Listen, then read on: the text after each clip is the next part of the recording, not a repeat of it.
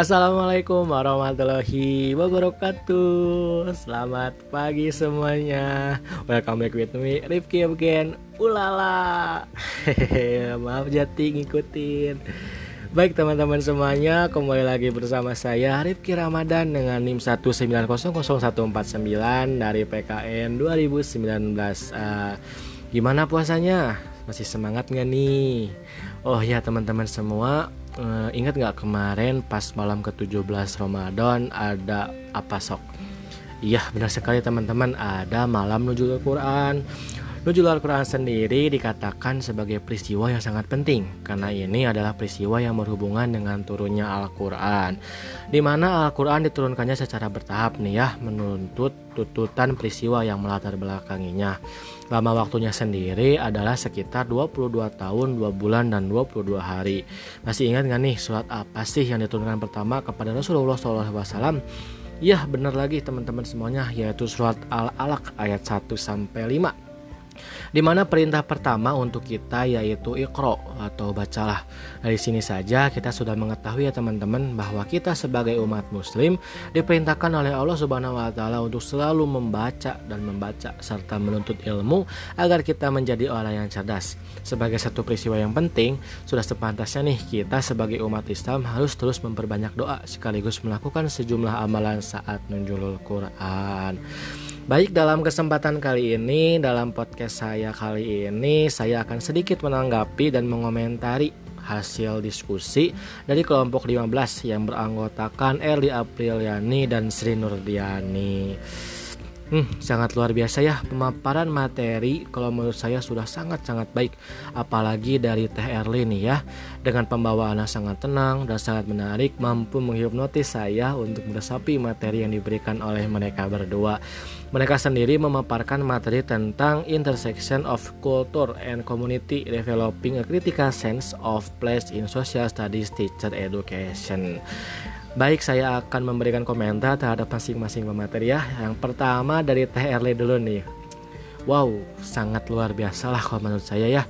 Saya sangat mengapresiasi penampilan dari Erli karena penyampaian dari Erli sangat menarik.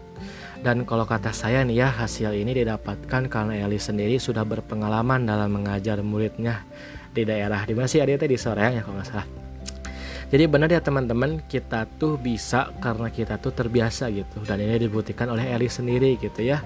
Dan semoga ini menjadi motivasi untuk kita untuk menjadi lebih baik lagi ya. Oke, baik langsung saja kepada tanggapan saya terhadap materi yang disampaikan oleh Erli. Materi ini tuh sebenarnya yang saya tangkap tuh menjelaskan tentang bagaimana sih guru itu bisa menyesuaikan diri bukan hanya dengan tempat yang mengajar, dalam hal ini sekolah, tetapi guru juga harus menyesuaikan dengan iklim dan budaya yang ada di lingkungan yang ia ajarkan. Sekali lagi nih ya, lingkungan yang ia ajarkan. Karena penting bagi kita sebagai calon guru nanti untuk bisa menyesuaikan diri dengan lingkungan tempat kita mengajar nanti. Karena ketika kita baik terhadap lingkungan kita, maka otomatis proses kita untuk mengajarkan ilmu kepada siswa akan lebih mudah. Itu sih prinsipnya menurut saya. Dan sekali lagi nih ya, saya sangat mengapresiasi podcast dari Erli karena Erli sendiri dalam menyampaikan materi sudah sangat jelas, rinci, dan pembawaannya juga sudah sangat tenang sekali. Dan ini menjadi poin plus untuk Eli sendiri. Baik dari pemateri kedua yaitu Sri. Penyampaian materi oleh Sri juga tidak kalah baik lah ya dari Teh Eli tadi. Dalam penyampaian materi oleh Sri juga saya bisa menangkap suatu hal yang sangat penting untuk kita sebagai calon guru nanti nih Yaitu tentang bagaimana sih caranya kita bisa mengajarkan ilmu kita kepada setiap siswa yang berbeda.